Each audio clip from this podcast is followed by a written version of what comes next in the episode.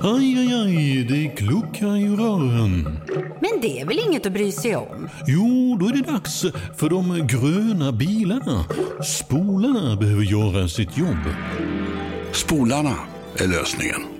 Ah, hör du? Nej, just det. Det har slutat.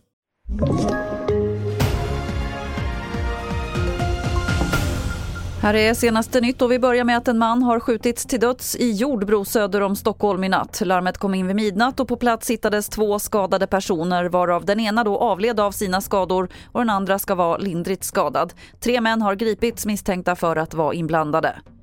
Och polisen utreder om det finns något samband med skottlossningen igår kväll vid en idrottsplats i Fruängen i södra Stockholm. Då sköts en pojke i övre tonåren till döds. Här är ingen misstänkt gripen och polisen söker efter en grå Toyota som sätts i samband med mordet.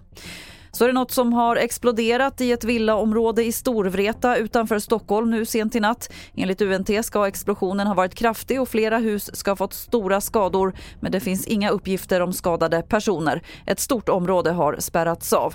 Och till sist kan vi berätta att polisen larmades om höga smällar i centrala Gävle i natt. Det finns inga uppgifter om skadade personer men polisen har hittat tomhylsor på platsen. Händelsen utreds som grovt vapenbrott.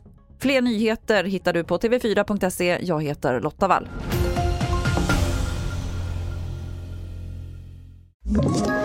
Ett poddtips från Podplay.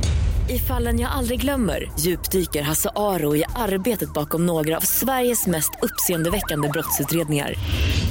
Går vi in med hemlig telefonavlyssning och, och då upplever vi att vi får en total förändring av hans beteende. Vad är det som händer nu? Vem är det som läcker? Och så säger han att jag är kriminell, jag har varit kriminell i hela mitt liv men att mörda ett barn, där går min gräns. Nya säsongen av Fallen jag aldrig glömmer på Podplay.